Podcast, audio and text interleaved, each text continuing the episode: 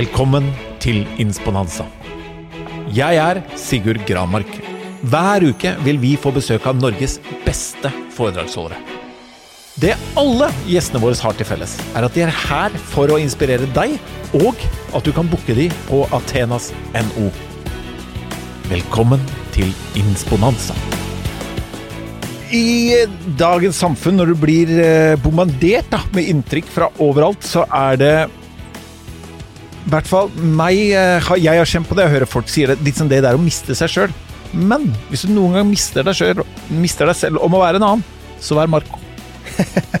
Det fant jeg ut, Marco. Velkommen. Jeg fant ut at Hvis jeg mister meg sjøl en gang og begynner å leite etter Å, jeg må være en annen, da vil jeg være Marco. Velkommen til Sponanza, Marco. Tusen takk, Det var fin eh, intro, Sigurd. Hvis du være en annen, vær Marco. Det er, det er bra Det var, det. var et veldig hyggelig sitat. Takk for det. Rett airborne fra Bergen, klatrende inn. Det Første gjesten vår som må komme inn eh, vindusveien. Det er raskere, da. Ja, Raskere. Du liker tempo. Ja, ja, det er noe med liksom ta de snarveiene du kan. Hvordan er livet ditt, Marco? Det er veldig bra. Ja. Eh, Det er utrolig bra. Jeg er veldig fornøyd og happy om dagen. Det er eh, tempo, men det er liksom fint. Luksusproblem.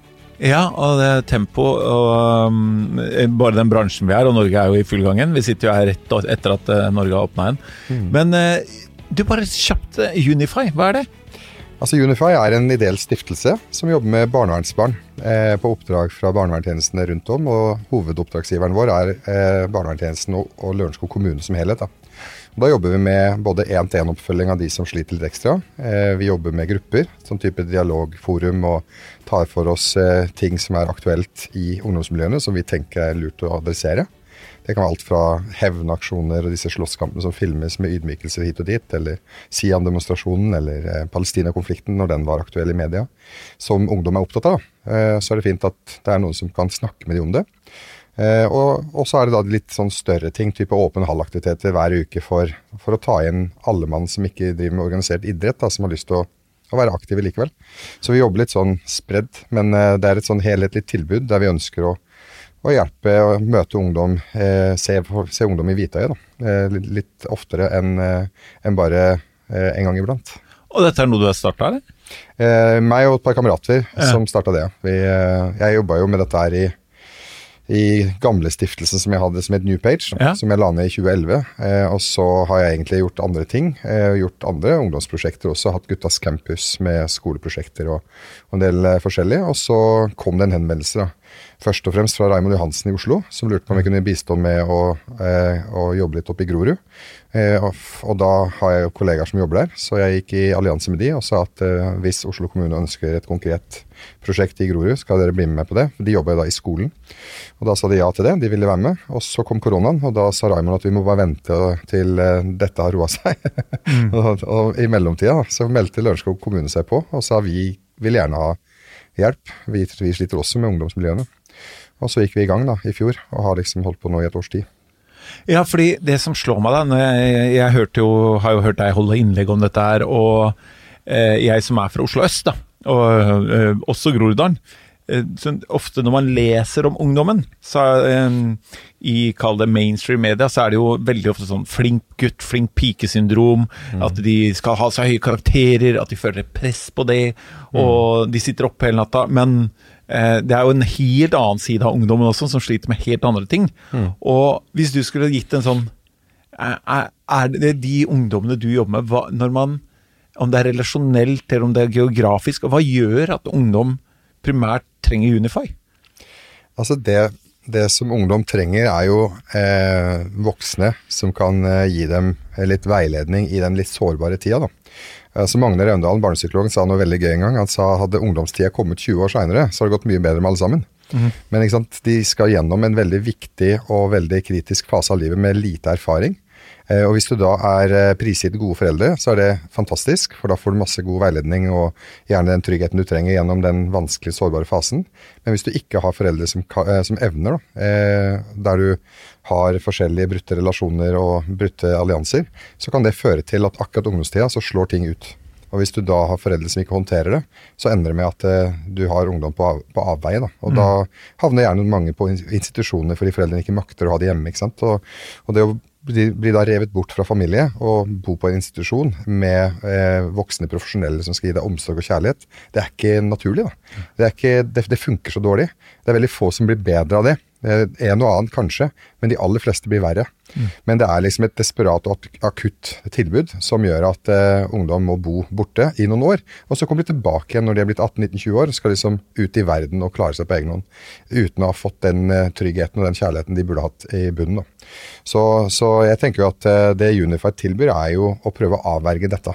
Vi har liksom som mål, et hårete mål i Lørenskog kommune, at vi skal stoppe alle disse institusjonsplasseringene. Vi skal tilby noe annet lokalt. Vi skal løse krisen der den oppstår. Sånn at ikke de må sendes vekk først i mange år. For da blir på en måte bare krisen større. Så det har på en måte fungert veldig, veldig bra. Vi har klart å holde nullen, som det heter. da. Ingen ungdommer ut av, ut av kommunen i år. Eh, og det har ført til at, eh, at alle er fornøyd, da. Eh, føler jeg. Eh, altså, vi er veldig happy med at vi ikke har på en måte mista ungdommene ut. Så vår litt sånn hårete drøm er jo å, å gjøre Institusjons-Norge arbeidsledig. Da.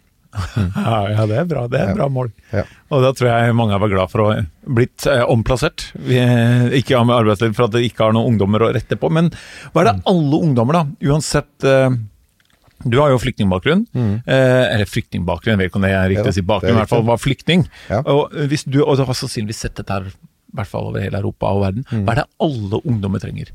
Altså alle barn, vi kan begynne der, da, ja. trenger jo eh, De trenger eh, kjærlighet og nærhet og trygghet. Så de trenger å bli bekrefta når de har vanskelige følelser. Den tror jeg vi kan slurve litt med selv i Norge, selv om vi er i et veldig trygt og godt land. Eh, når, når, altså Barn av natur driver jo og finner overlevelsesmekanismer for å håndtere de ubehagelige følelsene. Det er vår natur fra vi er små. Hvis vi, har, hvis vi kjenner på ubehag, så prøver vi å distrahere. Vi prøver å finne på noe for å slippe å føle på det som er vondt og vanskelig. Da.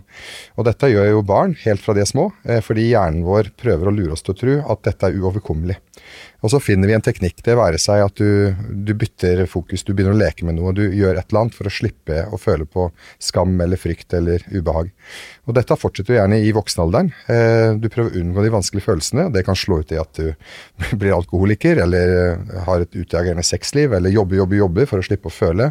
Sant? Du har liksom eh, kompenserer da, i en eller annen form, som gjør at du slipper å føle på den derre Stå i det der ubehaget.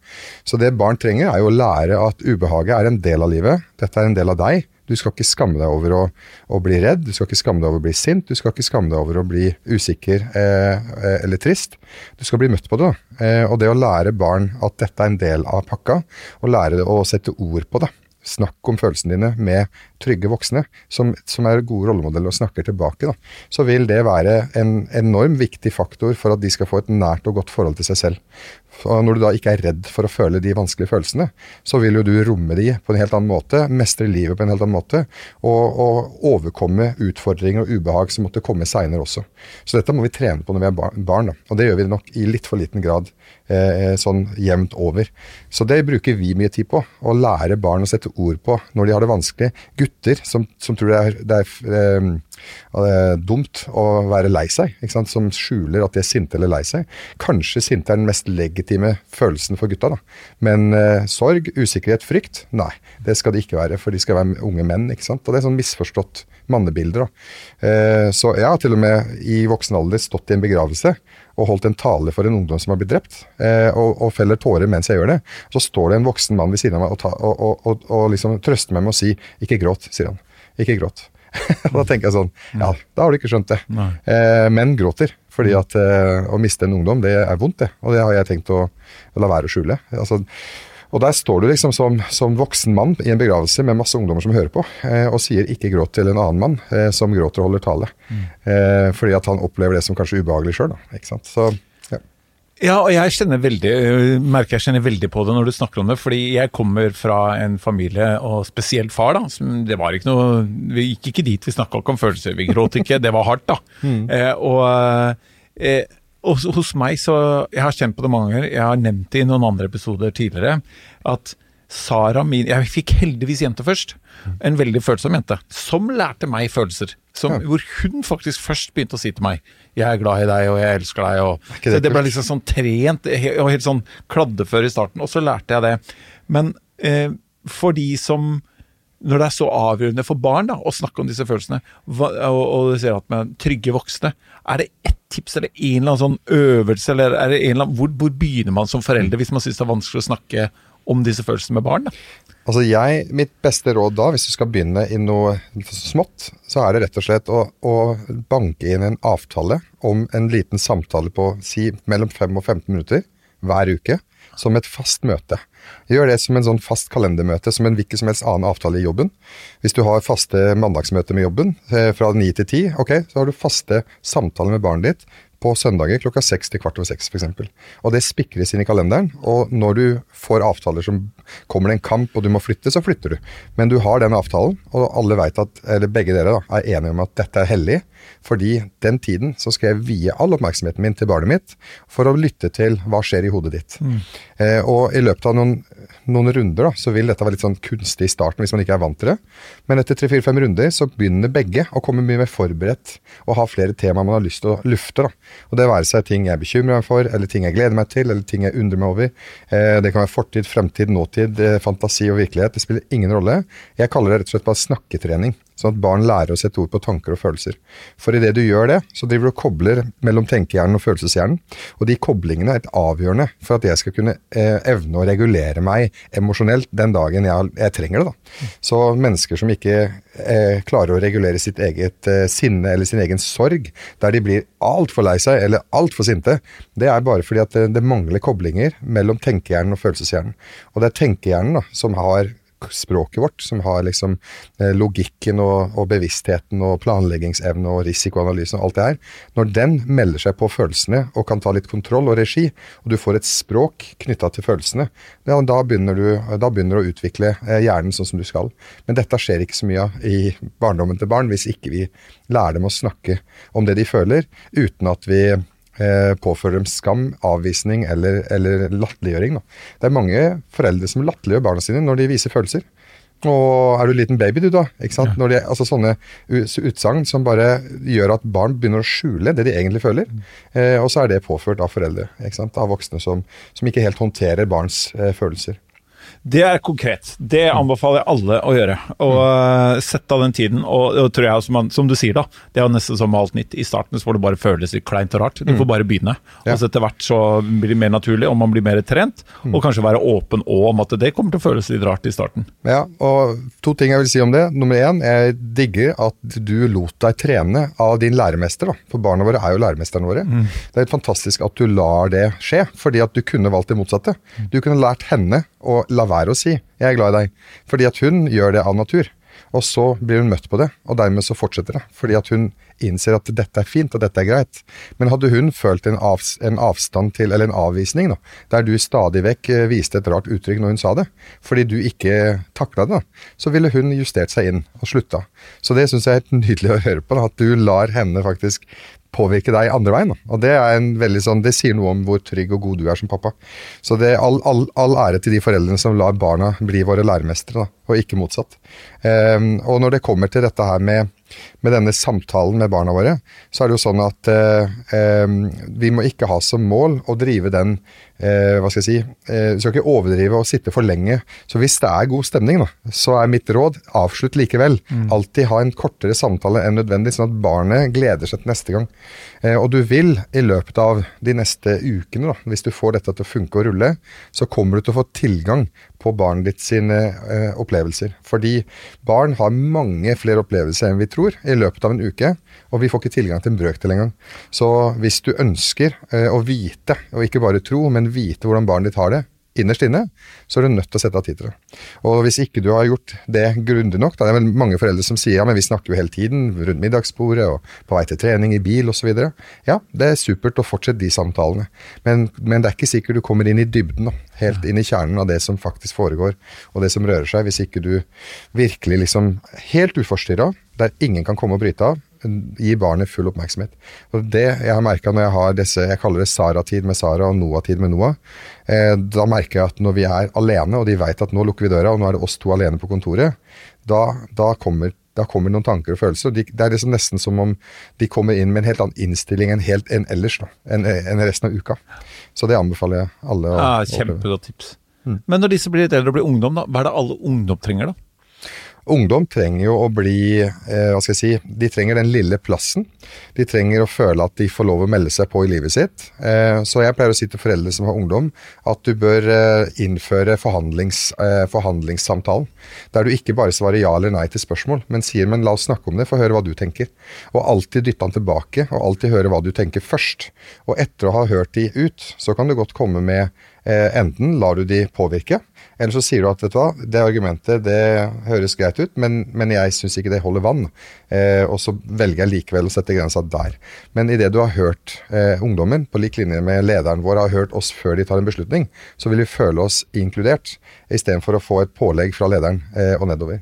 Og Det er litt sånn det blir med foreldre som hele tiden setter grenser for ungdommer, der ungdom ikke får lov å være lærlinger i eget liv. Da. Så du er nødt til å gi dem muligheten til å trene på å sette grenser, trene på å sette, eh, stille krav, trene sjøl på å argumentere og forhandle. Mm. Fordi verden eh, består av uh, muligheter for forhandling. Så, så, jeg driver og trener min datter på tolv om at hvis du, sier, hvis du spør om noe, og jeg sier nei, så har du lov til å spørre pent en gang til. Eh, og når jeg da sier nå må du ikke mase mer, så er det lurt å følge signalet. Men hvis du sjarmerer meg med et argument som jeg ikke har tenkt på, og jeg ombestemmer meg, så er det sånn verden funker. Så hun har jo funnet på, når jeg har sagt nei til noe, så sier hun 'pappa, jeg har et forslag', kan hun da si. Ja. Ok, hva er forslaget? Og så lokker hun meg inn i en samtale om det hun nettopp spurte om, som jeg har sagt nei til. Og så skjønner jeg på et punkt at ok, det der var jækla kult, det må jeg belønne. Og så kan jeg gjerne ombestemme meg. Fordi jeg har lyst til at hun skal lære hvordan verden funker. Da. Og så skal hun bli liksom, som sagt lærling i eget liv. Da. Ja, for det dummeste er når barna, hvis Sara, min nå heter Sara, da, eller hvis barna våre tar en runde til, og du ender opp med å si 'sånn er det bare'. Det vil, det vil egentlig si at du burde ombestemt deg. Men uh, det er nesten sånn vi voksne vi blir så prinsippfaste at man spiller til slutt. Da, så er det siste kortet du kan spille. Nei, men sånn er det bare. Det blir sånn. Og ja, Det er en kjempefin egenskap hvis man kan vise at ja, nei, du har rett, jeg ombestemmer meg. Vi, ja. vi gjør det. Ja, og jeg har til og med sagt det ut, fordi du var sjarmerende. Det er lurt mm. å være sjarmerende. Mm. Mine barn maser ikke. De, ikke de, de, de, bøller seg ikke til de goder. De prøver ikke å grine seg til ting, for det har aldri funka. De har aldri fått respons på det, og de får klar melding om at det vil aldri funke. Mm. Så det er best å bare prøve noe annet. Prøve å sjarmere, prøve å spørre, og prøve å gi deg innimellom. fordi det er lurt å ikke bli bortskjemt. Og de har lært tidlig hva bortskjemt betyr. da. Det betyr at du ikke tåler et nei. Mm. Så hver gang du sier ok til et nei, så har du vært litt mindre bortskjemt. Så de har liksom fått en sånn ok, ja ja. Så de må faktisk Det er positivt å tåle nei også. Det utvikler deg som menneske. Ja, det er jeg helt enig i. Og uh, ja, det skal vi, jeg skal prøve å dra oss tilbake til rundt hva som er positivt for oss. Rundt både det nei og, og også det som er litt kjedelig etter hvert. Men barn trenger trygghet, de trenger omsorg, de trenger nærhet. Og lære oss å sette, sette ord på følelser, koble mm. følelseshjern og, og, og tenkehjern. Det er sikkert amygdala frontallapp, sikkert. Mm. Og, det er riktig. Ja, og så har vi videre ungdom som trenger dette forhandlingsrommet. De også trenger at vi ser de, er nære de men uh, du er jo ikke relasjons, uh, relasjonshøvdingen uten grunn. Hva gjør vi med, hva trenger alle voksne, da? Ja, Vi trenger jo egentlig det samme. Vi har jo alle et barn i oss en ungdom i oss. og, uh, og har akkurat de samme behovene. Vi trenger, vi trenger, å føle oss trygge. Vi trenger å føle et, at vi er en del av et miljø. Alle har jo lyst til å være betydningsfulle. Så hvis jeg kan bety noe for andre på jobben, hvis jeg blir spurt om hjelp Noe så enkelt som at en kollega, kollega, ber meg om å bistå med noe fordi du er så god på det, Marco, kan ikke du hjelpe meg med det? Herregud, så bra det blir for, for min følelse, da. At du syns jeg er bra på noe. Eh, så jeg oppfordrer jo folk, voksne, til å stadig be hverandre om hjelp. Fordi vi har en tendens til å tenke at hvis jeg ber noen på jobben om hjelp, så maser jeg på de, eller så er jeg i veien for de. Men det du egentlig gjør, er å bygge de. Så liksom bygg laget med å hele tiden gjøre deg litt hjelpeløs i gåstein. Fordi at uh, vi er ikke laga for å fikse alt sjøl. Vi er laga for å samarbeide. Og jeg er god på noe, og andre er god på noe annet. Uh, og det er noe med å hele tiden løfte andre med å la de få lov å skinne litt. da. Mm. Så når jeg går ut og leiter etter veien til en eller annen plass, så pleier jeg ofte å stoppe fremmede bare fordi at jeg har lyst til å be de om hjelp. da. Fordi at idet du ber noen om hjelp, så har du gitt dem en liten tjeneste. Og Jeg har aldri møtt den personen som sier 'jeg veit hvor du skal, men jeg har ikke lyst til å hjelpe deg', jeg har ikke tid til å hjelpe deg. Alle hjelper jo, hvis de kan, og det koster meg ingenting. Det føles bra. Så det, det begynner jo allerede i, i små, småbarnsalderen, at de vil være med å ta ut av oppvaskmaskinen, eller legge mat på handlebåndet, eller De vil være med fordi ja. de har lyst til å bidra. Og det føler jeg på, for Noen ganger så føler du nesten at du bryr når du spør om hjelp. Så for eksempel, eh, Jeg er veldig dårlig til å handle i butikken. Eh, alt, jeg klarer ikke å huske hvor noen ting er. Går stort sett alltid i telefon. Og, men så er det sånn Alle i dagligvare har blitt trent til at de får ikke lov å si hvor ting er, de skal følge deg. Har dere merket det? Hvis du spør hvor, hvor er pitabrødene, og så bare jeg vet at hun står nedi masse esker. Ja, nei, et lite øyeblikk. Og så må hun begynne å gå. Jeg er nesten sånn at ikke, fordi du vil jo ikke bry. Men jeg vet jo selv, det liker jo, og det, man, det føles jo bra å hjelpe. Ja. Men vi liker jo ikke å bry folk, akkurat som du sier da. Ja. Så det er nesten lettere å hjelpe folk enn å be om hjelp, for mange av oss i hvert fall. Og jeg, jeg er veldig sånn, for jeg, jeg skal, en, jeg liker å fikse ting selv, og jeg, kanskje verste følelsen jeg vet om er å være til bry da. Det tror jeg alle Altså det er typisk norsk, da. Vi vil ikke være til bry. Ikke sant? Det er jo det Harald Eia fant ut. da. Selvstendighet er liksom Norges største verdi. Ja. Ikke sant? Eh, og det betyr jo at vi i prinsippet velger å sette oss lengst unna andre på bussen. Ikke fordi vi syns det er kjipt å være sosiale, men vi skal ta hensyn. ikke sant? ikke sant. Så, så det er fint, det. Men vi må på et vis likevel passe på den mismatchen. Og det er en stor mismatch mellom det å ikke være til bry, og det å plutselig virke som du ikke bryr deg. Ikke sant? Ja. Så du må passe på at ikke det bikker over. Når jeg flytta inn i mitt nabolag, så var det jo sånn at naboene mine tok såpass mye hensyn at de aldri ringte på. ikke sant? Ikke sant? Det er jo faktisk sant. Eh, og først et halvt, nei ikke et halvt men til fire måneder seinere så var det sånn årsmøte i dette vellet vårt, hvor vi har en sånn liten flik av en felles vei som vi må vedlikeholde. Da er det et, ett årsmøte i, året. Og da stiller de oss den ene naboen med kaffe og kaker og koser seg som en sånn start på den dugnaden. Da. Rett, da så planlegger vi neste dugnad før 17. mai. Og den, det møtet var jeg med på for første gangen. og Fantastiske naboer som jeg aldri har sett før. ikke sant? Fordi at jeg har bare kjørt forbi i bil. Ja. Det var vinter når vi flytta inn, og alle kjører rett inn i garasjen og går rett inn i huset sitt. Og så plutselig så sitter vi der, da, og alle blir kjent med meg på én gang. eh, Og jeg får vite hvor fantastisk hyggelige de er, og alle har gleda seg sånn til jeg skal flytte inn. Ikke sant? For da hadde jeg nettopp vunnet 'Mesterens mester'. Og de hadde heia på, og de syntes det var så stas, og det var ikke måte på. Og jeg satt der og tenkte 'hæ, vet dere at jeg har bodd her i tre måneder', liksom? Hvorfor i huleste er det ingen som har ringt på? Og da svarer de jo 'nei, vi kan jo ikke bry deg sånn'. Vi kan ikke, altså, det kan ikke, kan ikke være til å bry. Og da, jeg, da, det var da det slo meg at eh, ok, de var såpass De tok såpass hensyn at jeg rett og slett ikke visste at de visste at jeg bodde her. Ja. Så jeg, jeg ante ikke at de visste at jeg hadde kjøpt, kjøpt hus engang. Men det hadde, det hadde de visst et halvt år før jeg kjøpte Altså, vi hadde jo en lang overgangs... Nei, sånn her eh, Hva heter det? Eh, eh, hva heter det? Eh, vi kjøpte huset Ja. fire måneder før vi flytta inn. Ja. Overtakelsesdato. Eh, og det, jeg, jeg tenker på, jeg er jo litt bekymra for eh, mine barn. Vi bor jo i blenda hvit i Edrum. Det er, alle, er like, nesten. Alle liker å gå på ski, alle liker å være i skogen. Alle har to til tre barn, alle har to biler, alle bor i enebolig. Altså, det er helt likt, da. Og, men så er veldig flotte barn. Ikke hvor, de er veldig tolerante, veldig nysgjerrige på verden. Ja. Eh, og eh, da vi var på Vi var jo så heldige å være på Insponanza sammen for en uh, liten uke siden. Fantastisk konferanse, syns jeg. Det var det. En av de tingene, jeg nevnte det til deg uh, fra salen da jeg gikk rundt på mikrofonen også, som jeg har tenkt mye på, er det ordet du brukte som var toleranse. Eh, og det er et ord som jeg tror jeg praktiserer det, men jeg har brukt lite tid på å være bevisst på det og, og gruble over det begrepet, og det har hengt ved meg en halvannen uke nå. Så fint. Ja, og, og da, da, fordi jeg, jeg er litt sånn overraska hvor lite jeg bruker det ordet selv. Så når du sa ordet, så liksom, det ble veldig sånn store bokstaver for meg. Det med, og da det å ikke være til bry, og det å omgås andre altså Jeg har kommet til den konklusjonen da, på den halvannen uken at toleranse må jo på en viss måte en, være trenbart, og du må jo eksponeres for noe som ikke er lik deg selv, for å både få trent på det og vise det. Ja. Er du enig? He- 100 Du blir aldri mer tolerant av å henge med folk du liker. Det er liksom bare et viktig prinsipp. Toleranse slår inn i det du er med folk som trigger deg, som aktiverer deg på et vis. Og da må du jobbe med deg selv. Da jobber du med toleransen din. Du, altså, du kan ikke vise toleranse overfor ting du liker. Det, det, det er jo ikke da du bruker det. Det er akkurat som du, du, bruker ikke motet hvis ikke du er redd. Nei. Du er jo ikke modig hvis du ikke gjør ting du er redd for. Så du er avhengig av frykt for å være modig, og du er avhengig av eh, å bli trigga og provosert for å være tolerant. Og telle til ti, og ta deg selv i nakken og si 'kutt ut, Marco, nå må du slutte å tenke sånn'. Eh, og det innebærer jo da at jeg, hvis jeg skal trene på det, da, så må jeg aktivt gå inn for å henge med mennesker som trigger meg. Da må jeg slutte å unngå idioten på jobben, hvis jeg kan kalle det det, i gåstein. Og så må jeg heller begynne å tenke at den idioten skal bli min læremester i å utvikle min toleransekondisjon. Og jeg pleier å kalle det det, da. Toleransekondisjon, fordi det er som all annen kondisjon. Du må trene for å få mer. Og trener du ikke, så kommer det ikke mer. Du, du, du, du, forfaller faktisk. Så med alderen så er vi faktisk flinkere og flinkere til å velge bort mennesker som vi syns er litt slitsomme.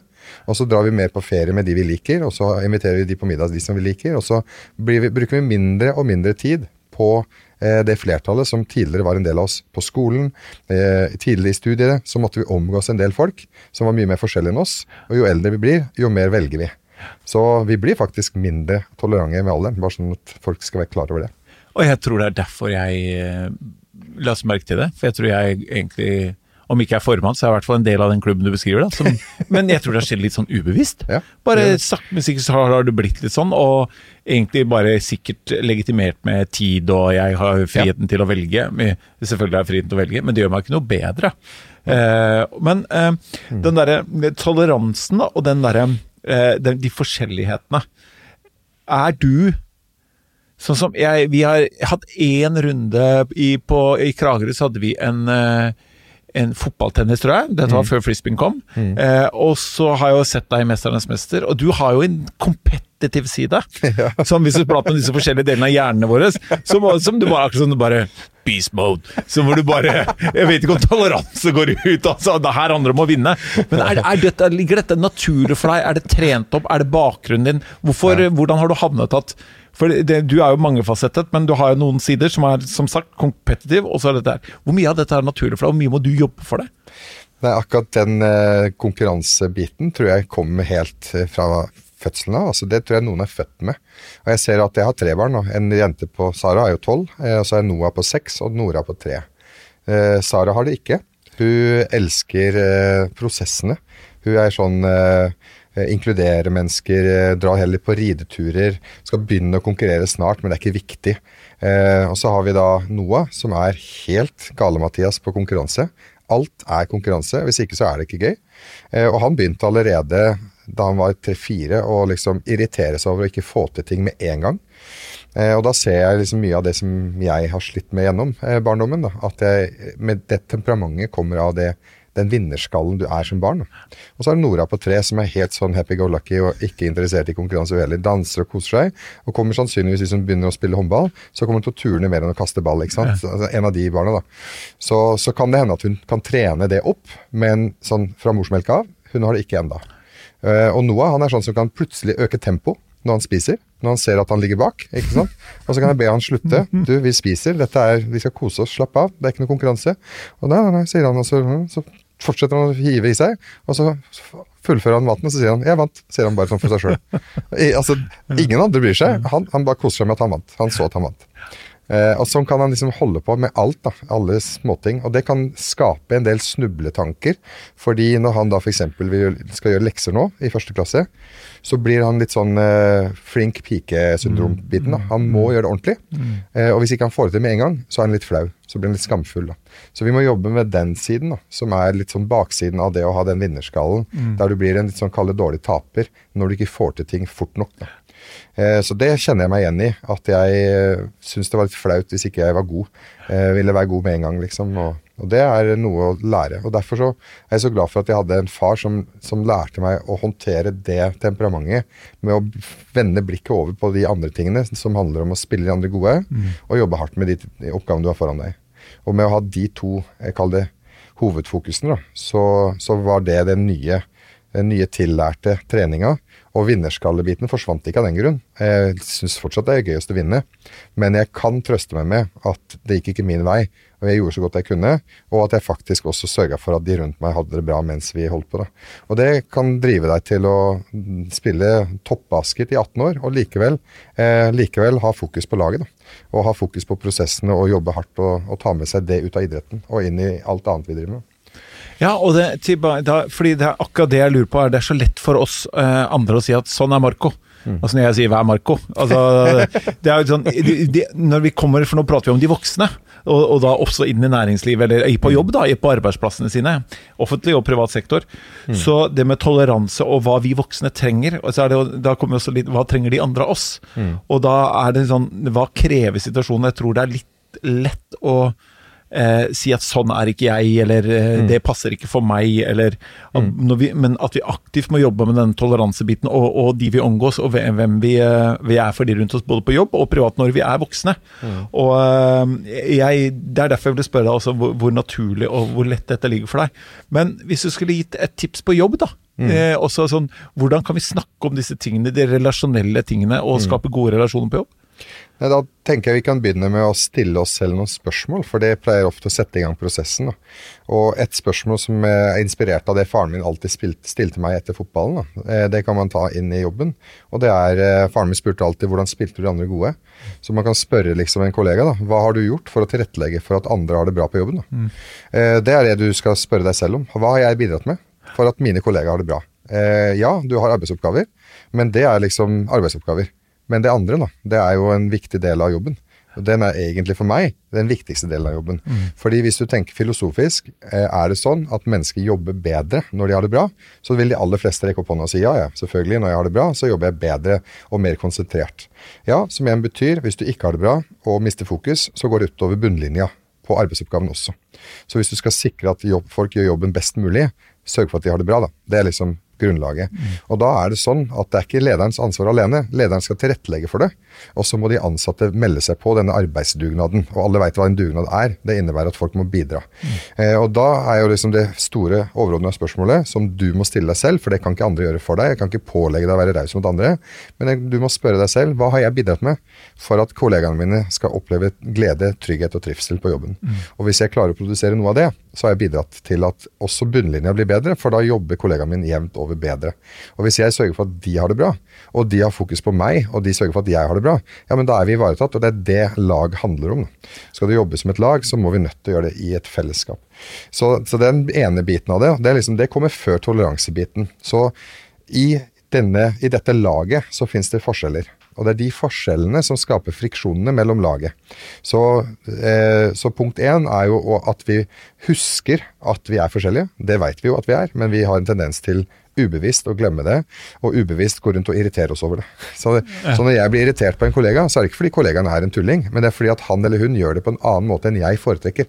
Så det er mine preferanser som skriker høyest inni hodet mitt, eh, og så blir jeg sur for at han sier eh, sier det på den måten istedenfor på den måten. Og han snakker for høyt i forhold til hva jeg foretrekker, eller for lavt i forhold til hva jeg tenker. Eller, eller for mye på møtene, eller for lite. Tenker, altså Han sitter bare og tenker. Hva faen tenker han på? Så kan han bli forbanna for at folk ikke sier noe. ikke sant? Så vi har en tendens til å irritere oss over forskjellig tempo, forskjellige frekvenser, forskjellige måter å være på, istedenfor å skjønne det, da, at egentlig hadde alle vært like som meg, hvor helsike og kjedelig hadde det vært? Og vi hadde vært så begrensa.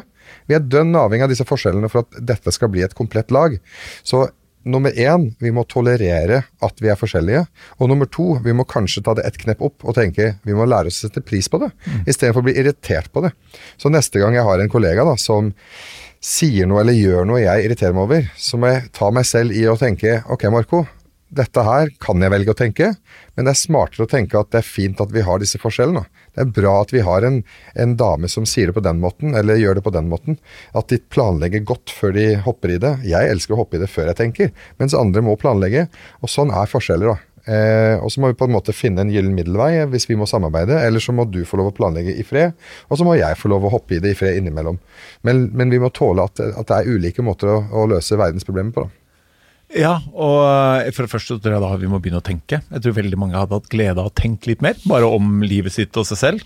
Eh, Men en annen ting du sa, var dette med Du sa glede, trivsel og et eller annet annet. Trygghet. Trygghet. Det kan jo gjerne ikke like gjerne vært tre verdier i et konsern konsern eller selskap. Selskaper har jo sånne verdiord. Ja. Eh, Fungerer det, syns du? Eh, Det kommer an på hvor godt de forankrer den verdien. Fordi jeg pleier å si at en verdi er helt verdiløs hvis ikke du omsetter den i praksis. For da er det bare et ord og en flott eh, strategi i et notat. Men eh, hvis f.eks. hvis eh, bedriften har en, en verdi som heter takknemlighet, som jeg er veldig glad i, så tenker jeg ok, hvordan utfordrer ledelsen gruppa til å uttrykke det i jobbsammenheng? I møte med hverandre, i møte med kollegaene, med samarbeidspartnerne, med kunder. Hvordan viser vi takknemlighet? Er vi da opptatt av å si til folk at dette hver eneste e-mail, folkens, så, så takker vi for et eller annet. Bare for å formidle takknemlighet til alle. Uansett hvem vi sender den til. En liten sånn takk for, eller takk for en fin samtale, takk for forrige møte. Du takker For det er det takknemlighet handler om. For eksempel. Mm. Hvis ikke du gjør det, da, så er det helt bortkasta. Ordet engasjement, veldig flott ord, men hva i huleste betyr det i praksis? da? Jo, da må vi omsette det til en setning som folk skjønner i praksis. Og det betyr jo at du må brenne for noe. Du må ha et mål, og du må vise at du går for det. Det er engasjement. Og da må alle, alle må ha et mål, uttalt. Gjerne heng det på en Post-It-lapp i kantina, så alle kan gå og kose seg med hvilke mål de andre har. Eksempel. Da begynner engasjementet å bli synlig. Men hvis ikke du gjør verdier synlige og praktiske, så er de helt waste. Så de bedriftene som gjør det godt, de får det kjempefint til. Og de som ikke bruker tid på det, ja, de har jo bare laga en nydelig sånn strategi da, som ikke har noe effekt i gruppa. Så da blir det jo opp til den enkelte å leve ut sine verdier istedenfor bedriftens verdier. Da. Så hvis jeg har verdier som eh, jeg syns er viktige, så må jeg formidle til alle at de må dere etterleve. Og hvis du ikke har de i deg, så bør du bytte jobb. Rett og slett. Så enten så er du en del av denne verdikjeden, eller så er du ikke en del av laget. Fordi f.eks. For hvis vi har rettferdighet, nestekjærlighet og takknemlighet som verdier, og du tenker at nei, en av de er ikke i meg, ja, da, da er det ikke sikkert at du bør være i den bransjen. Nei, og det er jeg enig i. Og eh, jeg, jeg tror det er absolutt det man gjør med disse verdiordene da, som man har i næringslivet. og Det kan fungere, og det kan være fullstendig bortkasta. Det du sa med takknemlighet, da, og det du sa i stad med tenkehjernen og følelseshjernen, mm. og det å være takknemlig for ting, og trene hjernen, lage koblinger da, som ja. gjør at du også legger merke til hva du er glad for. Eh, jeg hørte deg eh, gi en Hvis du kunne avslutta med å gi et tips Du har en mm. øvelse som, mm. hvis det er greit at du tar den nå, ja, ja. På, som du ga forrige gang vi traffes, på mm. hvordan man kan trene seg på å være takknemlig og være glad for ting. Ja. Vil du fortelle den? Altså, Hjernen vår er jo en muskel på lik linje med andre muskler på, på kroppen, og det du repeterer, det blir det mer av. Så eh, jo mer takknemlighet jeg, jeg, har på en måte praktisert i livet mitt, desto mer legger jeg merke til. Det er litt som den derre du kjøper ny bil, og så plutselig så oppdager du alle de andre bilene i trafikken som er helt like som din bil. Og det er jo ikke fordi de bilene plutselig popper opp, det er fordi de, de blir synlige, fordi du er interessert i de. Og sånn er det også med ting vi viser interesse i hjernen. Da. Så hvis jeg først begynner å bli takknemlig for noe, så vil, så vil det stadig komme nye situasjoner jeg plutselig oppdager jeg har grunn til å være takknemlig for. Og så vil det utløse en sånn positiv kjedereaksjon av glede. Fordi idet du er takknemlig for noe, så utløser du en umiddelbar glede og et overskudd og en lykkefølelse. Så det er egentlig gratis lykke, hvis du bare husker å gjøre mer av det. Så min øvelse er jo at jeg for en del år tilbake lagde meg en sånn enkel trepunkts takknemlighetsliste eh, som jeg skal starte dagen med. Fordi det gir meg en bedre start på dagen. Og da spiller det ingen rolle hvor lite søvn jeg har, fordi jeg velger, jeg har, vel, jeg har valgt nå i mange år, eh, at eh, jeg vil våkne med den takknemlighetslista, uansett om det er åtte timers søvn eller to timers søvn. Og da er det punkt én er jo at jeg er takknemlig og veldig lykkelig over at barna mine er friske og raske. Så hver morgen da, når jeg skal vekke barna mine, så tar jeg innover meg de fem-seks sekundene ekstra med å se og nyte at barnet mitt ligger der og puster og er friskt, og kan, eh, kan glede meg over at de snart våkner. Eh, og, jeg, og da Altså det, det, er sånne rørende små øyeblikk da, hvor jeg bare nyter og tar inn med alle sanser. Både å se og lytte til at de puster, lukte på dem mens de ligger der og sover, eh, susse på dem og kjenne på dem. Og så eh, har jeg sagt til barna mine at jeg elsker at dere smiler før dere åpner øya. Det er det fineste jeg ser. Så jeg pleier å susse på dem, sånn, og så ser jeg på kinnet. Og så kommer liksom smile, smiletrekket. da. Og det gjør meg bare så inderlig lykkelig. Og dette gjør jeg da med, med mine nydelige tre barn. Og da er det klart hvordan i huleste skal du bli værsyk av å bo i Bergen, da, hvis du ikke har rukket å sjekke været ennå? Om det blåser og det pøsregner eller ikke, det vet jo ikke jeg noe om. Fordi at dette er starten på min dag. Og det er bare punkt én på lista. Sant? Og hvis du da tar inn over deg at din egen helse er på stell, eh, og samboerens helse er på stell, og det tredje er at jeg kan glede meg over at jeg har et dagsverk da, å gå til. I dag, I dag, også er det noen som har bruk for meg. Eh, så, så er det liksom min måte å starte dagen min på. Og det gir meg et enormt overskudd, og jeg kan anbefale alle å gjøre det. fordi at eh, vi har en tendens til å tro at det er først i mai og juni at vi får masse gratis energi gjennom sola. Og så skjønner vi ikke at det er bare placebo. For alle sover på et mørkt rom. Det er ingen som, som våkner med sola i trynet klokka tre på natta på sommeren. Vi sover på et mørkt rom til vi våkner, og så våkner vi med en eller annen tanke om at eh, det er lettere å stå opp i mai og juni. Og det er en sånn eh, hva kaller det, en sånn flertalls i gåstein misforståelse, der vi tror at det er sola Men sola, den, ja, du får jo D-vitamin i kroppen etter hvert, men ikke når du våkner. Du våkner jo på det samme mørkerommet hele året. Så for meg er det sånn Jeg får like mye energi i desember og januar som i mai og juni, fordi at jeg har den starten på dagen med mine barn hver gang.